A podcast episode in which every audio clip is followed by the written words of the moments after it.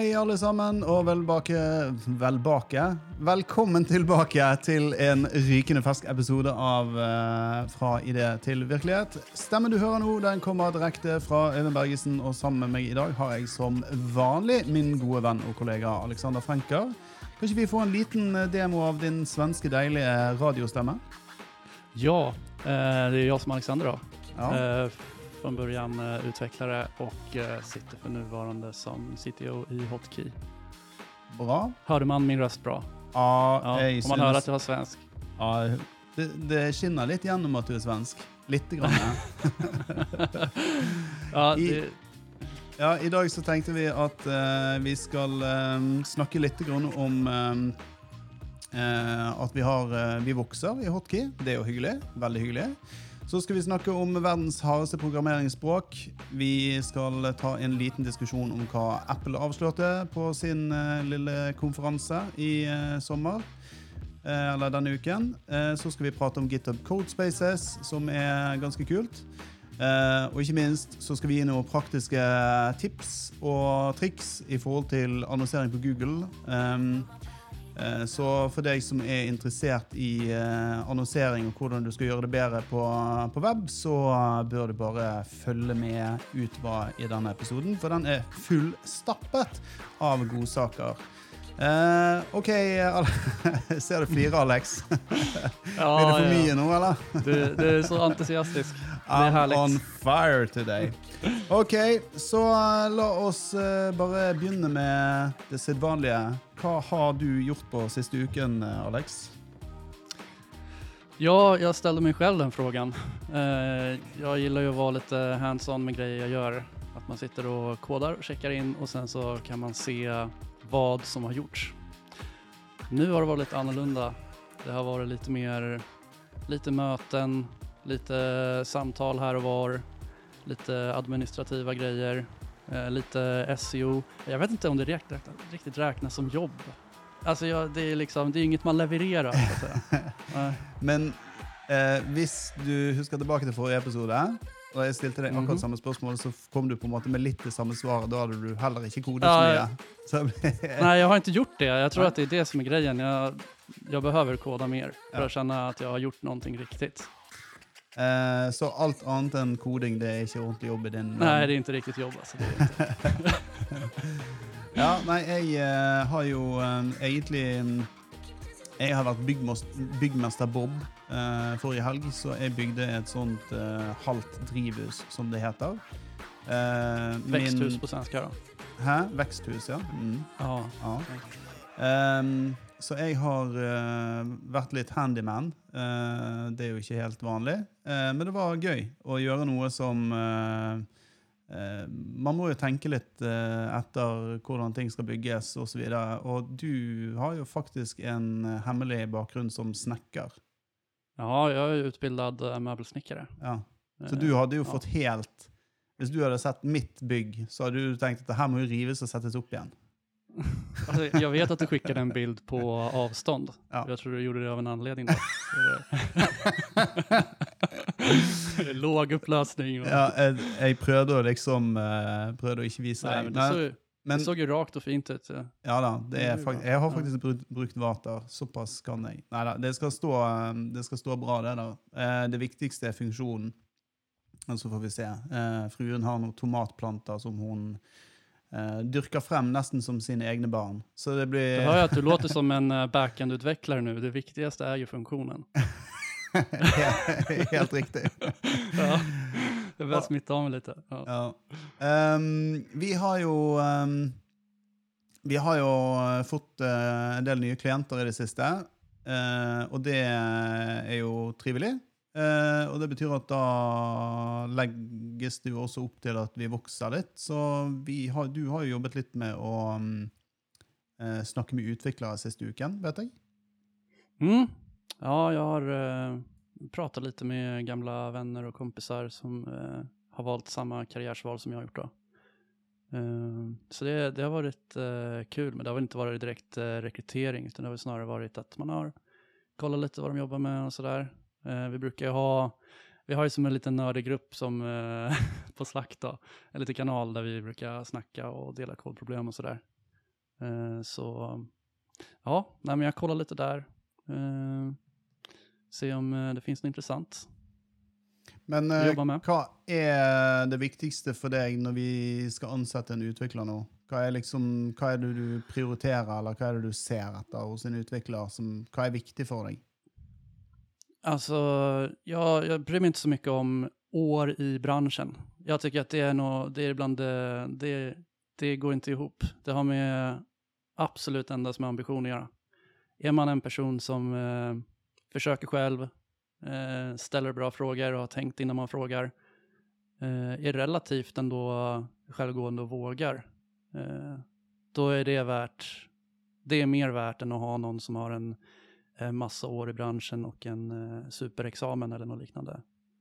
Jag, jag tycker att eh, man visar vad man går för i sitt arbete, inte vad som har hänt tidigare. Men er vi på jakt etter utviklere som har utbildning, som du kaller altså utdanning innen IT, eller kan de være selvlært også? Hva sa du om de Nej. kan være selgere? Selvlært? Ja, självlärda. Ja. Eh, ah, det beror vel på. Eh, det er jo fint om de er om man er ekstremt själv... Vad sa du? Det er veldig fint om de er selgere, altså. Man skal jo selge inn Ja, et ja. prosjekt, så det er jo greit at en utvikler eh, faktisk ikke Ja, det, hä- du, det hva? ihop litt, men det er inget som jeg forventer meg av en, eh, av en som utvikler, at de skal være superdyktige på å selge. utan da er det snarere at man legger fokus på eh, ens oppgift, at løse lösa problem.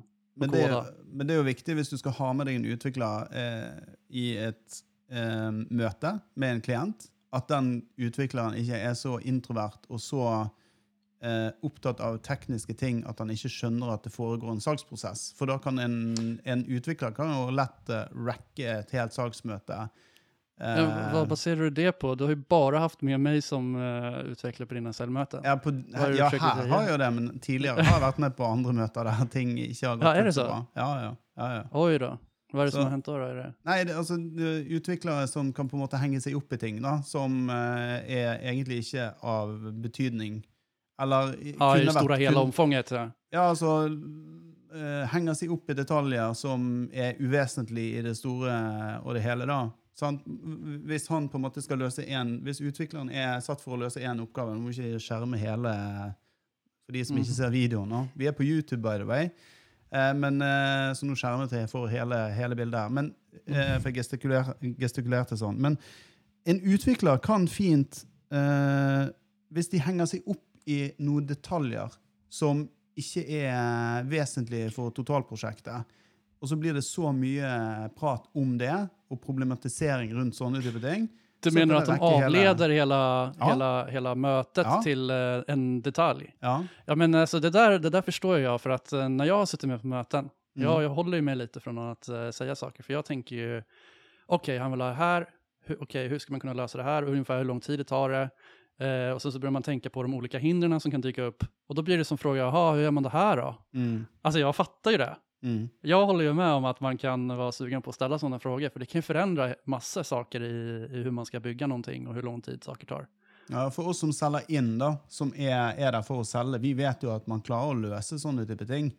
Eh, men det er jo Ja, men det är det här som är grejen, säljare, de, de lovar massa saker Ja. eh, som sen en utvecklare får leverera på. Ja. Så det är ganska viktigt ändå att utveckla det med och få se vad det är som faktiskt lovas av en. ja. Men hvordan tror, du, hvordan tror du det føles for disse utviklerne som sitter i Tesla, da? Med Elon Musk som sjef? Ja. Altså snakker om å love og lyge, da. Eh, Ja, men jag jag tänker på det, alltså, de hoppas ju på att slippa köra sen i Ja. framtiden så de kan jobba under tiden. det, Ja, godt poeng. godt poeng. Nei, um, men altså, det, det er jo ganske viktig at skal du inn i en salgsprosess, da, hvis det er en del, hvis du ikke har closet kunden, så er det selvfølgelig så ber de ofte Det kan ofte være at en kunde eller en klient ber om å få altså potensiell kunde og klienter ber om å få, at man tar med en tekniker eh, fordi at man vil avklart noe. Eh, og eh, det er litt sånn som sier at jeg har vært med på møter der eh, utviklere har krasjet hele møtet. Eh, ikke nødvendigvis hos oss, men hos an, altså, andre selskap, da, hvor vi har vært på innkjøpssiden på vegne av en klient. Det er, det, er- det litt sånn jeg vrir meg, da. Jeg, jeg er jo et selgertryne, og det vet jeg.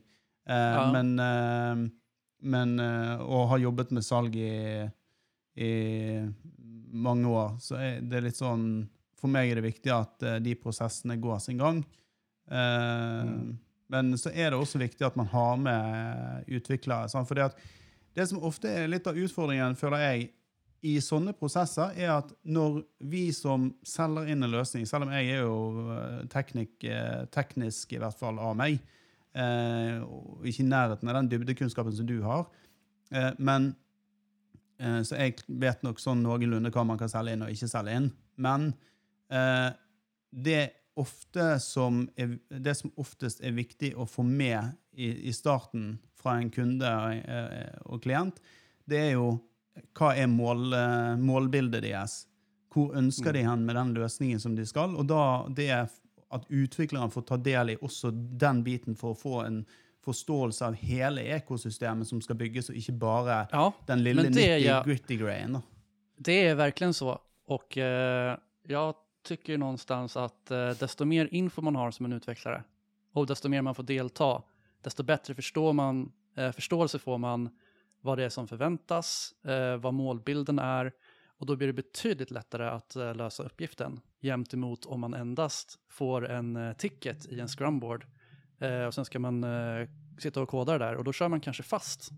Eh, för man, det står man, läser, man har ju bara det som står där att utgå ifrån, alltså en produktbeställning.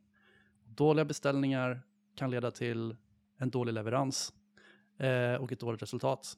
Mm. Så då kör man fast, sen sitter man där, jaha, hur- vad ska jag göra för beslut nu? Eh, nu har jag ett vägskäl. Eh, och det beslutet, om man ska gå vidare då, vilket man oftast kanske vill, för man vill ju vara självgående, kan bli betydligt bättre om man har fått delta på møtet. Mm. Jeg, jeg er helt enig. Um, det er faktisk ganske viktig. Uh, men Mm. jeg har en idé. Uh, jeg har tenkt uh, lenge på dette her. Um, vi utvikler jo nå eh, React, mye React-baserte apper har vi gjort i det siste. Og så tenkte jeg at neste gang vi skal velge eh, på en måte Du vet hva som kommer nå? neste gang skal jeg velge et utviklingsspråk, kan vi ikke gå for uh, Malbolge? Malbolge? Malbolge? Alltså jag kunde inte uttala det där. Nej, jag jeg jag att du, du, skickade, du skickade länken till det där uh, häromdagen. Och Jag jag, sitter där och det bara, ska jag lägga min tid på att försöka förstå det här? Ja. Det, berätta vad det är för någonting. Alltså, jag det- förstod knappt själv. Nei, altså det, det er jo litt sånn morsomt, for det er regnet som verdens hardeste utviklingsspråk. Um, og i utgangspunktet så eh, har jeg, jeg tror vel navnet um, er fra liksom The Eighth, eh, altså åttende sirkel eh, fra helvete, Dantes Inferno. Eh, så det, det forteller vel litt. Grann. Eh, jeg tror den som først laget et eh, program eh, med dette programmeringsspråket Altså vi snakker, det, det er laget for å, for å tulle. Sa ikke du noe om at, At inte klarer det, eller hur? Ja, det laget Ja, det, det gjort det. Jeg Jag tror första, första programmet som kom ut som faktiskt funkade tog flera år innan de lyckades lösa det. För att få ut Hello World eller något liknande. Ja, det var to år eh, han brukte på å bygge, bygge noe. Og det han gjorde da, var at han bygget ikke i selve programmeringsspråket, men han eh, genererte det med algoritmer eh, og implementerte det via Lisp. Men eh, altså, det er bare helt sykt. Altså, hvorfor gidder folk å bruke tid på å lage sånne type ting? Nei. Jeg, også, jeg mener, att jag orkar lägga tid på å forsøke å forstå hur det funkar, men uppenbarligen så är det ju så att det inte funkar eftersom han har lagt in lite decoys i dokumentationen typ, ja, som inte stämmer. som Så ikke att ingen stemmer. kan liksom riktigt lista ut. Ja. Ja, Han, eh, han har sikkert hatt det veldig morsomt når han har laget det der eh, språket. Vi skal legge en eh, lenke til Wikipedia-artikkel i, uh, i show notes, eh, og så kan du se hvordan man lager en, en såkalt Hello World. Eh, det men eh, det her kanskje jeg burde ha med i rekryteringen, at de, de skal løse Som Hello et det liksom. Ja. Nei, det er taskigt. Ja, har får vi ingen. taskigt. Ja. Jeg, jeg tror faktisk ikke det. Um, Apple har jo hatt eh, sitt sedvanlige sommerevent. Uh, utviklerevent. Ehm, ehm, og der lanserte de nye IOS 16 og eh, Nå husker jeg ikke hva OS het. Eh, Ventura eller et, et eller annet eh, sånn. Men det jeg bet meg merke i der fra det Apple-eventet, er at nå har jo de kommet med M2-prosessoren. Um, og den syns jeg ser ganske nice ut, skal jeg være helt ærlig. Uh, men det kuleste fra det eventet var vel, eller som jeg på en måte syns var det feteste, det var eh, eh, den nye um, Macbook Air-en. Eh, den virker jo å være helt fantastisk bra.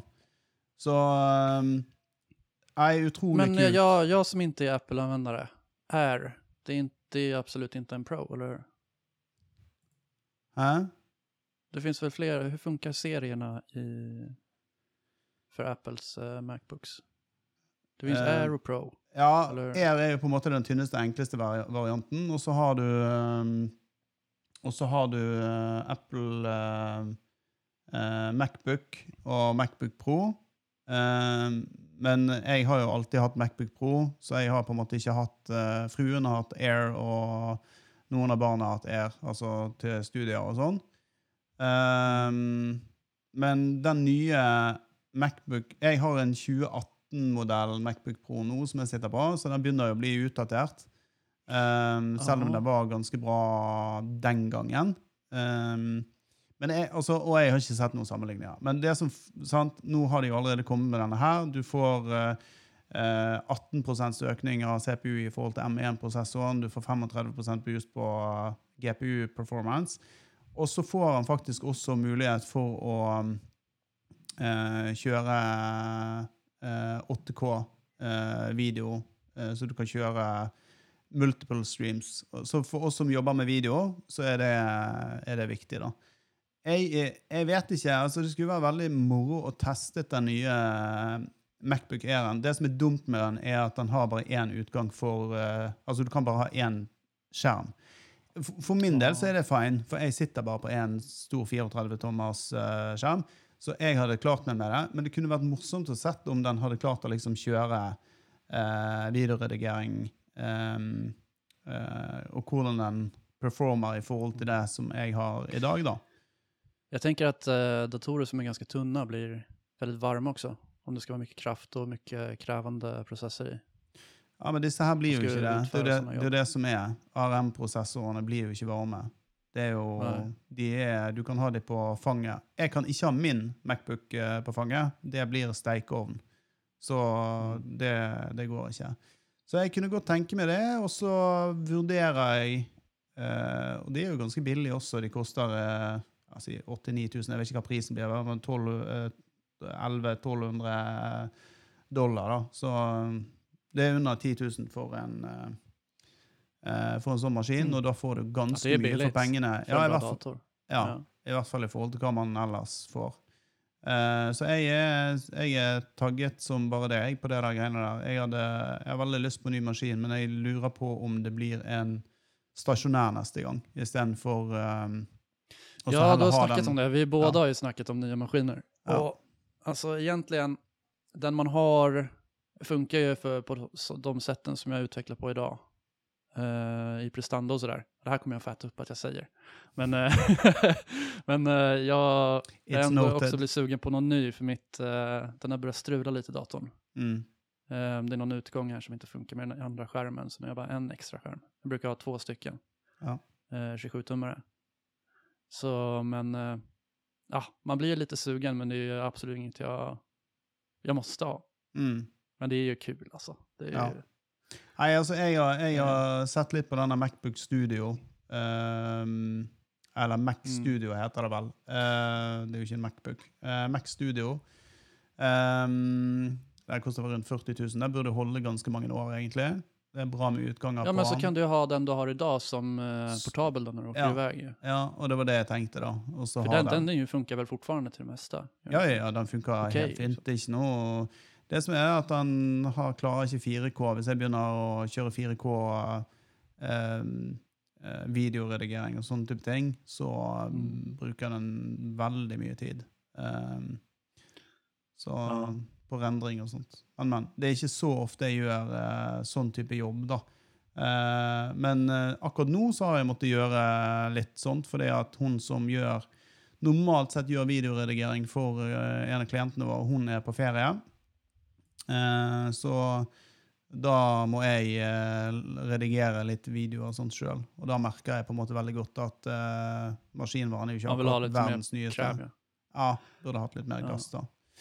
Um, vi kom også over Men noe, en, en kul greie her uh, som heter GitHub Ja. Code Spaces.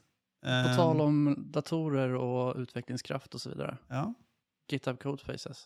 ja. Har du eh, sjekket litt opp på det, eller? Ja, lite. Jag eh, tänkte jag skulle testa det, men jag har inte hunnit göra det. Mm. Uh, men jag har ju förut haft lite så här att det vore bra och jag vet att vi satt upp en i ett, um, i en startup vi hade förut, satte upp en miljö Mm. uh, som ligger alltid och snurrar i molnet med ganska mycket kraft Mm. som man har mappat upp alla projekt i.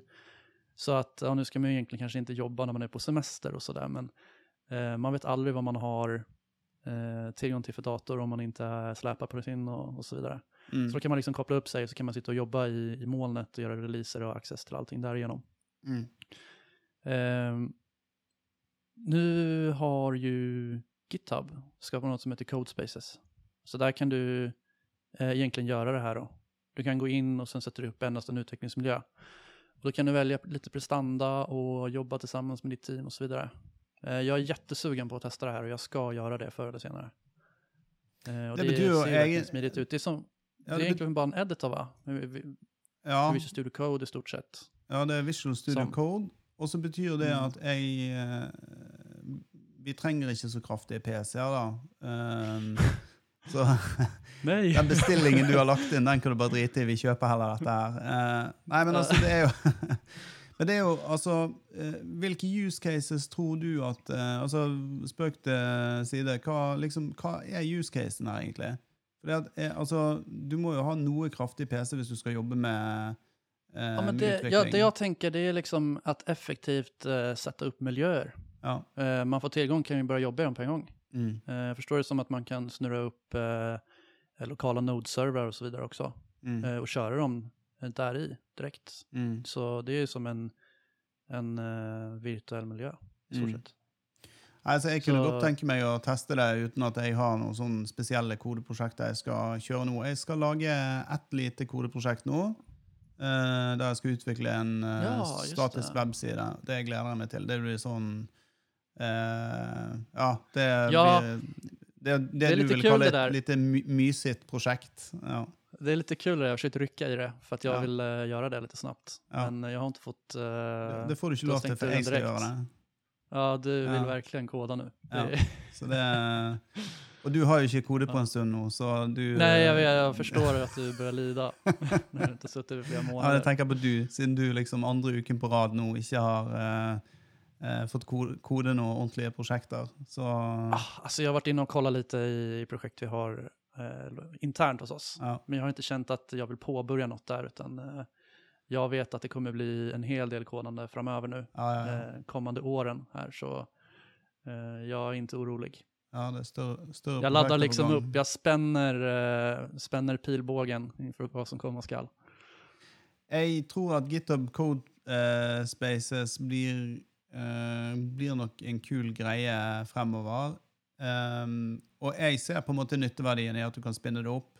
Um, også spesielt på teambasis, da, for det var sånn jeg forsto at det var tilgjengelig for team. og litt sånn forskjellig. Ah, okay.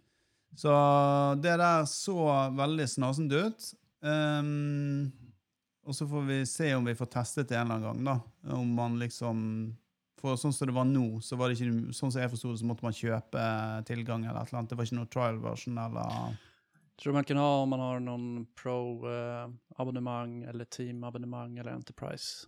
på- Free så inngår den ikke da. Ja. Og det forstår man jo såklart. Ja, ja. Det tar jo opp ressurser. resurser. Skjønner jo. Ja, jeg Ehm. har som sagt ikke kollet den, men eh, Det jeg tenkte Vi heter jo Fra idé til virkelighet, eh, podkasten. Så nå har vi jo snakket mye om tech og osv. Men jeg tenkte å gi litt nytteverdi til våre kjære lyttere. Så til deg som lytter på, nå er det på tide å spisse ørene. For uh, nå skal vi snakke litt om annonsering på Google. Så hvis du driver en nettbutikk, eller at du driver et eller annet som selger noe på web, så, um, så kan dette gi deg eh, merverdi. Uh, veldig mange som har holdt på med, Git, nei, med GitHub, sier med Google Ads i, i mange år, de har gjerne styrt kampanjene sine manuelt, altså budrunder manuelt, og lagt inn keywords, som det heter, manuelt. Og så kjører man en såkalt manuell CPC. Um, og det som er det at eh, for för dem hva du står for også, da. CPC. ja, altså Det betyr egentlig det, det er manuell budstrategi. Så per klikk, da, hva er du villig til å by per klikk? Det er basically det det betyr. Så hvis du sier at uh, uh, joggesko eh, sier at joggesko, da uh, Ja, kost per klikk. Eh, så hvis du legger inn at eh, du skal ha Nike Air, da, eh, at du ønsker å være tilgjengelig for det søkeordet i Norge For hver gang noen søker Nike Air, hvor mye er du villig til å by for å ligge på det søkeordet? Og når noen da klikker, så, så, så er du villig til å by, eller betale inntil det du byr, men ikke mer. Og så har jo AI tatt over veldig mye av eh, budstrategien, både på Facebook, men også på eh, Google. Eh, og vi har jo kjørt noe som heter Target ROAS. Og det her er litt sånn finicky, fordi vår, min erfaring tilsier at man kan ikke begynne direkte på Target ROAS.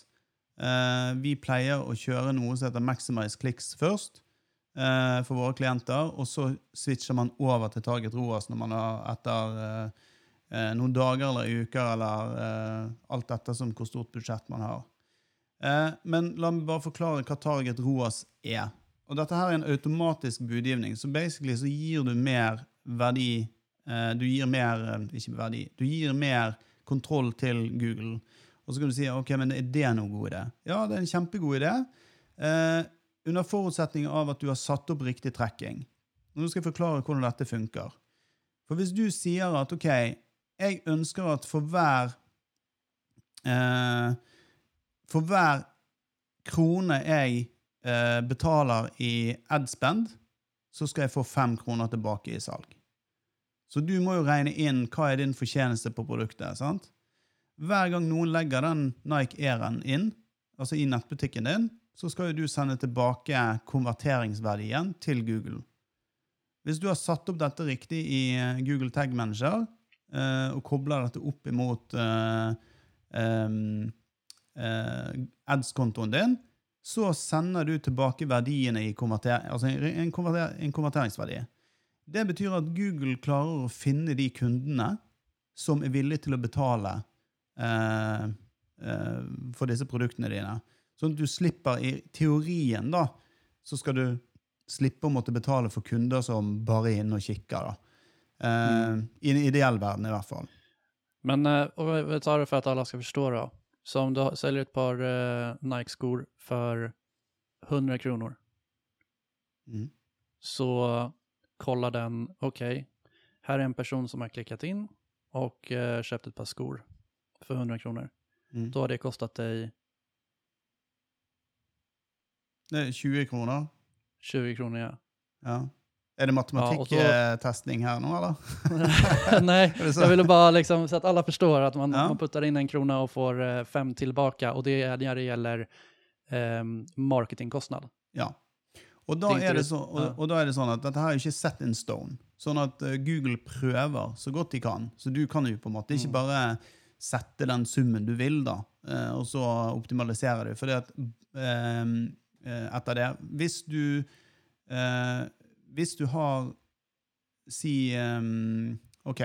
Så hvis du har eh, eh, Hvis du sier ja, men jeg vil ha eh, 10 000 eller 100 000 i, prosent i ROAS, da, det, det, funker, altså det vil ikke funke. Det som skjer da, er at du blir ikke visende. For det, det, Ja, da må du finne en kund som kjøper 100 000 par Nike-sko, ja, stort sett. Och det er kjempevanskelig for Google å vite om det er. Ja, altså det, det, vil ikke. Altså, det fungerer ikke. Det som skjer da, er at du får ikke trafikk. Så hvis du ser at, eh, at du får lite trafikk, så har du for høyt ROAS-krav. Eh, og, og ROAS er return on eh, of spend, på en måte. sant? Ad spend. Så hvis du setter det til Og her kommer helt an på hvilken bransje du er. Eh, er du i finansbransjen, så kan du ha mye høyere krav eh, enn det du har hvis du driver typ, eh, sånn som Writer, da, som vi driver, den tjenesten vi driver. Der kan vi ikke drive med flere tusen prosent, der kan vi drive med kanskje 200% eller der omkring. Så litt uh, ut fra hvilke uh, tjenester du selger, eller hvilke produkter du selger, så kan du sette opp uh, dette her. Men det jeg kan fortelle, det at det gir insane god avkastning hvis du gjør dette rett. Target ROAS ja, er fantastisk uh, greie. Hvis du gjør det riktig, Uh, så kan du få flere hundre prosents avkastning. Vi kjører nå for flere klienter, uh, og vi får flere hundre prosents avkastning på adspenden. Så for hver krone brukt i Så får vi liksom inn flere hundre prosent i, i avkastning. Ren avkastning. Eh, Men du säger göra det här rätt. Jag vet att det är ett AI som lär upp sig på trafiken. Eller hur? Ja, men gör det och vilka rätt som är besöker, och... vilka som köper. Och sen så då...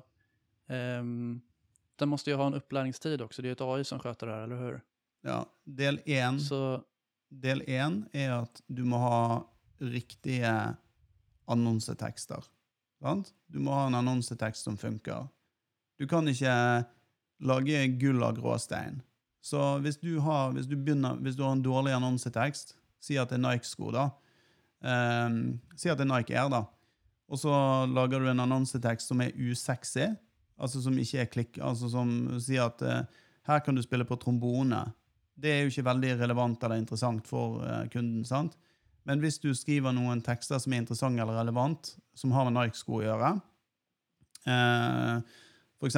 supersalg på Nike-sko her, eller whatnot, da, da er jo det interessant for kunden å klikke hvis han er på jakt etter Nike, Nike Air.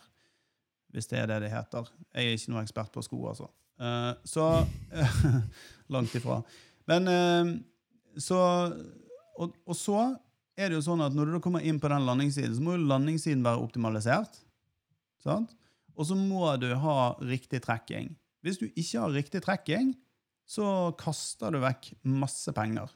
Og jeg kan si det at det er ikke én eneste gang jeg ser at manuell CPC-bidding funker bedre eh, enn eh, ROAS-bidding. Altså eh, Du må gjerne kjøre det, men eh, i alle tilfeller så funker det bedre. Og du kan også, eh, med disse automatiserte budgivningsstrategiene, så kan du også ha mye mer eh, nøkkelord inn i de ulike kampanjene, og så skal AI-en da finne frem til det. Når du da har kjørt det en stund, så kan du trekke ut de beste og isolere de som egne kampanjer.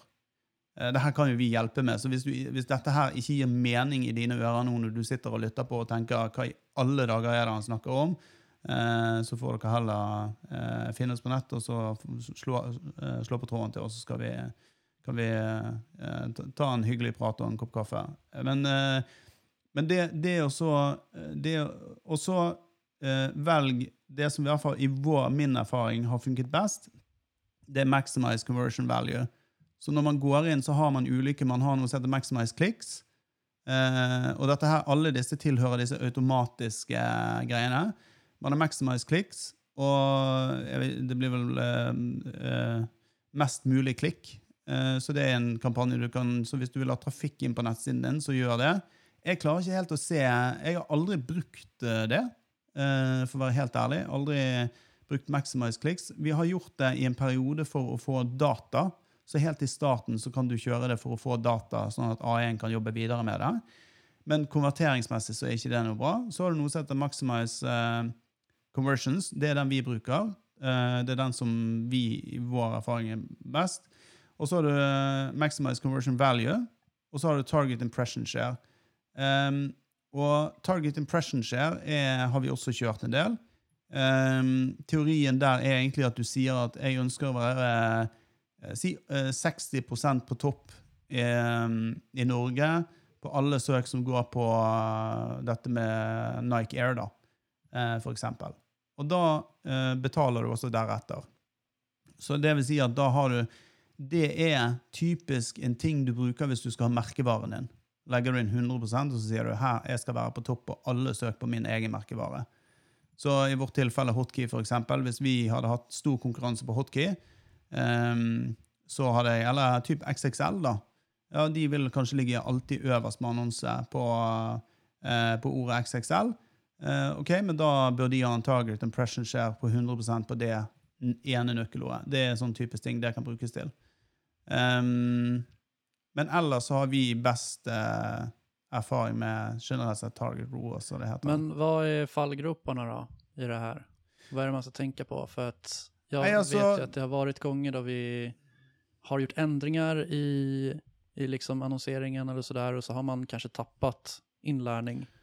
Ja, Det har man erfarenhet av. Ja, og det her er det som er litt av eh, utfordringen hvis du er ny med Google Ads, og det å navigere og forstå én, og sette opp trekkingen bare det å få trekkingen til å funke, og få alt til å faktisk eh, snakke sammen, altså få e-handelssystemet ditt, for eksempel, da, hvis du driver nettbutikk, til å fyre av en eh, sporingskode riktig, eh, inn mot dette her. Det kommer litt an på hvilket miljø du sitter i, da, med, mm, hvilket netthandelssystem du har. Men eh, noen steder er det enklere enn andre. Eh, og så må den verdien som sagt da føres tilbake, sånn at du kan kjøre disse. For hvis du ikke har de, så kan du sette en, eh, altså en eh, Jeg holdt på å snakke engelsk her. Da kan du sette en random value, typ snittordre. Men da vil du jo, hvis du selger masse ulike merker i nettbutikken din med ulike ting, så vil jo ikke det funke. Ehm, så hvis du har, si du selger eh, både sko og jakker, da, så kan du ha forskjellig avkastning på de to tingene, og de kan ha veldig stor forskjellig pris. Da vil jo ikke det funke. Hvis du bare selger ett produkt, sånn som eh, vi i hovedsak gjør det på Writer, så, så kan du komme deg unna med en sånn type variant, der du ikke sender med eh, der du ikke sender med verdien av konverteringen. Eh, så kan du si at Men den alltså sånt verdien här, sånt här går jo å fikse, men jeg tror at man kan behøve en utvikler då. Typ exempelvis om man har eh, en betallösning och sen kommer man tillbaka till en eh, taxi och så vidare. Då Mm. måste det ju på något sätt kanske postas in då till eh, Tag Manager eller till eh, så det fångas upp av ads. Ja, Eh, så, men det finns ju, som du säger, att man kan ju sätta något hårt typ att om man säljer en produkt kanske då. Ja. Eh, Men, eh, og hvis du driver med noe litt mer avansert eh, og er usikker på hvordan dette skal, så ta kontakt med noen som driver med utvikling, så, får de, så fikser de dette for dere.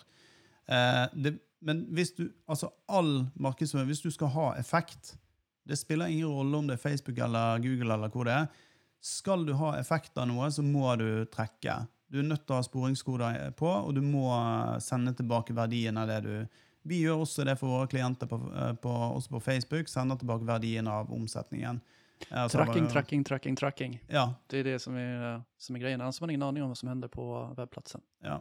Og det er litt sånn, det blir helt umulig for Google å optimalisere for eh, avkastningsmål. Altså, det, det, eh? Du vil som kunde også få mye dårligere eh, opplevelse da, eh, av, eh, av eh, Kall det kampanjen din, da. Du får dårligere resultat, helt enkelt, hvis du ikke gjør dette riktig. Eh, men hvis du gjør det rett, så er det en helt insane stor oppside. Og som sagt, vi har kunder som har flere hundre prosents avkastning på, på ting, og det er klart at eh, litt avhengig av hvilken bransje du er, selvfølgelig, eh, så, så vil dette her på en måte ja, variere, da. Men det gjør jo at uh, du får en mye mer effektiv uh, annonseringsmodell enn det du ellers har. Så det å trekke, hvis du ikke gjør det i dag, så start med det. Og hvis du ikke kan det, så få noen til å hjelpe deg med det. Om det uh, enten er den vanlige eh, utviklerbyrået du, som har laget nettbutikken din, eller hvem den måtte være, så få de til å hjelpe deg med å sette opp i, i hvert fall eh, Google Tag Manager, og, og ikke minst eh, GA4, altså Google Analytics 4, som, som eh, kommer eh, neste år. eh, tar over for Google Universal Analytics. Og de har Der skal jeg faktisk ha et webinar 20.6. nå. For en Ja, jeg tenkte det. Nå er datumet spiket, i alle fall. Ja, Det har vært litt sånn, vi måtte skyve på, det har ikke passet for oss når det har passet for de, videre. Men, eh, så det holder jeg på å snekre sammen et, eh, så det også blir litt sånn i forhold til disse tingene her. Hvordan skal man sette opp dette her, og hvordan skal det være effektivt? For det er så mange nettbutikker i dag. Altså man, det liksom overrasker meg at det er så mange som setter opp en nettbutikk, og så bare lar de den være. Skjønner du hva jeg mener? De bare setter den opp, og så tror de det at nå, eh, nå kommer dette til å funke, nå selger disse produktene av seg sjøl. men det gjør de jo ikke. Eh, som regel så må du jo faktisk gjøre en innsats for å få eh, business. Det vet jo du alt om. Du har jo laget mye content for oss. Nei, nei. det er ikke mitt forum. Nei. Men du har nå måttet gjøre det allikevel. Du har jo gjort det. Du har jo satt opp eh, SEO-sider og sånne type ting. Ja, jo, det har jeg vel gjort. Mm. Eh, Men rent, eh, rent innehållsarbete med att eh, skriva artiklar och så vidare, det har ikke vært mye sånt som jeg har gjort, utan min styrka er vel snarere på de tekniske eh, bitene. Da. Men du gjorde jo en liten oppdagelse denne uken her. Kan ikke du fortelle hva du oppdaget? For det er faktisk Ja. også veldig nyttig for de som hører på. Ja, eh, det har man ju, det här gäller ju organisk trafik då. Det gäller ju också såklart marketing, men eh, mer hur, det, hur man hittas eh, på, ren, på ren sök utan att annonsera eller betala för det. Eh, och då Google går in och eh, analyserar vilka sidor som är nya. Eh, de notifierar att de finns och sen om de, Google bedömer att eh, sidan eller din domän är eh, värdig att, eh, att innehållet är värt att gå igenom så kommer den eh, bli en crawl request eh, och sen så indexeras innehållet för att visas på Google. Och då finns det ju olika steg som eh, den kan hamna i. Till exempel en, man har ju till exempel en sitemap som håller oftast eh, som håller koll då på vilka sidor som finns, vilka som är publicerade och avpublicerade och så vidare. Och lite som, är, som vi har lärt oss när det gäller, i alla fall jag som inte har jobbat speciellt mycket med marketing utan jobbar mer med den tekniska biten på att eh, få allting rätt enligt eh, eh, optimaliseringsregler för den tekniska biten. Eh, så har jag upptäckt att det tar tid att få saker indexerat. Det gör det alltså, speciellt, eh, speciellt hos Google. Eh, och det, det kan man ju förstå. Eh, de ska ju bedöma och kontrollera då deras eh, algoritmer och så. Men det jag upptäckte då, då var det att det tog två månader och då hade den varit, eh, eh, vad det discovered but currently not indexed. Och det är som att den hamnar i limbo, det är, egentligen säger inte det så mycket om vad som har hänt med sidan. Då kan det vara att eh, eh, det är någonting med innehållet till exempel som eh, Google inte gillar och anser att det var ett, av ett lågt värde. Det kan vara eh, semantik på HTML än att eh, det ligger en H3 för en H1 eller, eller något liknande när det gäller själva presentationen. Då.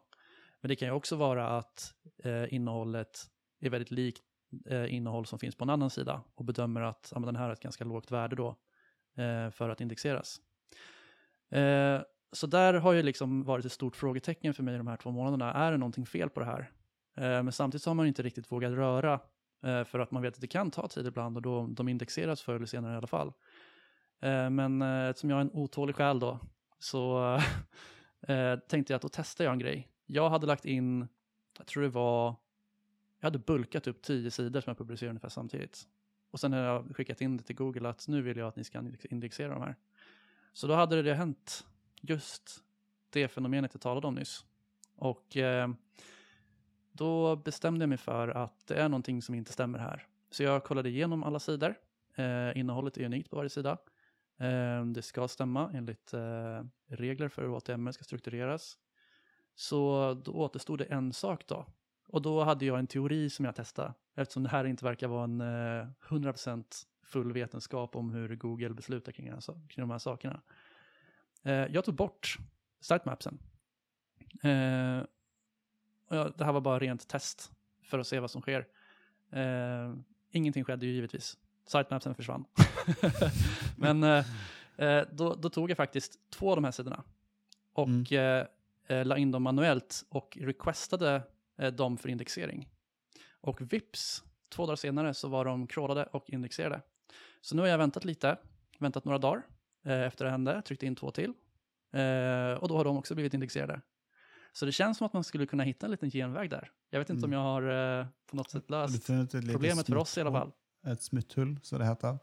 Altså Ja, vad betyder det då? Nei, altså at du finner Det er et smart, eh, smart move, da, for å eh, løse et problem, da. Det jo For de av dere som sitter og hører på Det her med SEO, altså Search Engine Optimizing, eh, det er søkemotoroptimalisering. Det, jo, det jo, gir det jo masse gratistrafikk. Eh, så driver du nettbutikk eh, eller salg på web og ikke driver med det, eh, så må du begynne i dag, og det er egentlig å lage innhold.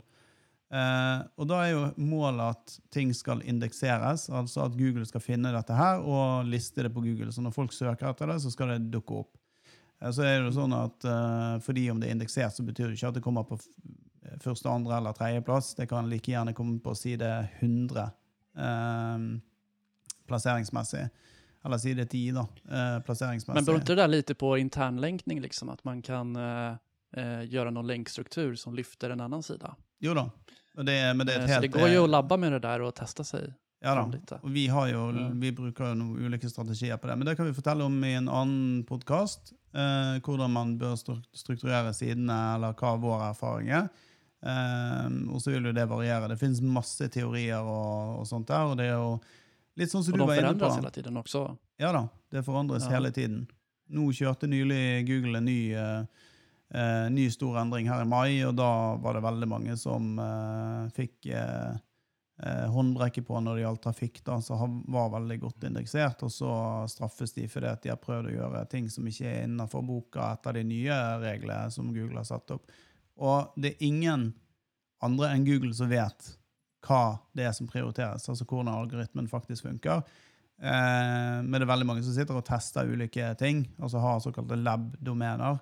Eh, setter opp nye domener innenfor ulike bransjer for å prøve å finne ut hva er det Google har gjort nå. Eh, det er jo sånn man jobber med SEO. Altså for de som, er, de som jobber med bare SEO, de, de holder på med det. Eh, men det er helt klart eh, viktig at sidene blir indeksert, for hvis de ikke blir indeksert, så har du egentlig skrevet masse greier uten at du får Uh, uten at det blir synlig for noen som helst. Da er det jo bare du som vet at den ligger på siden. Så det at du fant ut det der, uh, gjorde jo at uh, disse sidene nå blir indeksert, og så eh, kan de da forhåpentligvis dukke opp og skape trafikk eh, inn til Writer. Eller så var det at eh, det hadde gått såpass lang tid at det var dens tur. At den ikke uppmärksammade, det det vet jeg jo ikke heller. Og det er lite, Ja. lite jobbigt tycker jeg. Ja, det er vel lite sannsynlig, tror jeg. da. Jeg tror nok det har en sammenheng med at du pusher det ut eh, i Ja, mindre bulker. Jeg, da. det. Um, kan være Google er sliten vet du, og ikke orker å uh, Ja, det kanskje jeg ikke nevnte. Det står jo faktisk at uh, når jeg leste uh, dokumentasjonen på Google at det kan också vara att deras eh, crawl-robotar Mm. är upptagna och inte klarar av belastningen just nu. Ja. Eh, att de väntar då. Och då, då är det väl förmodligen Domain Authority de går på. Eh, vilka sidor som är mest värda att indexera först. ja. Eh, så om man ligger högt där så har man nog mer förtur.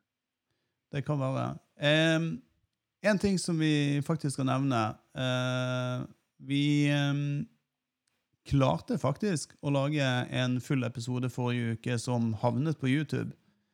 Eh, så vi var bold nok til å state at det Så der, der ligger det ute, så vi hadde lyst til å se der, så eh, kan du gå på YouTube. Da får du se, se oss eh, mens vi prater.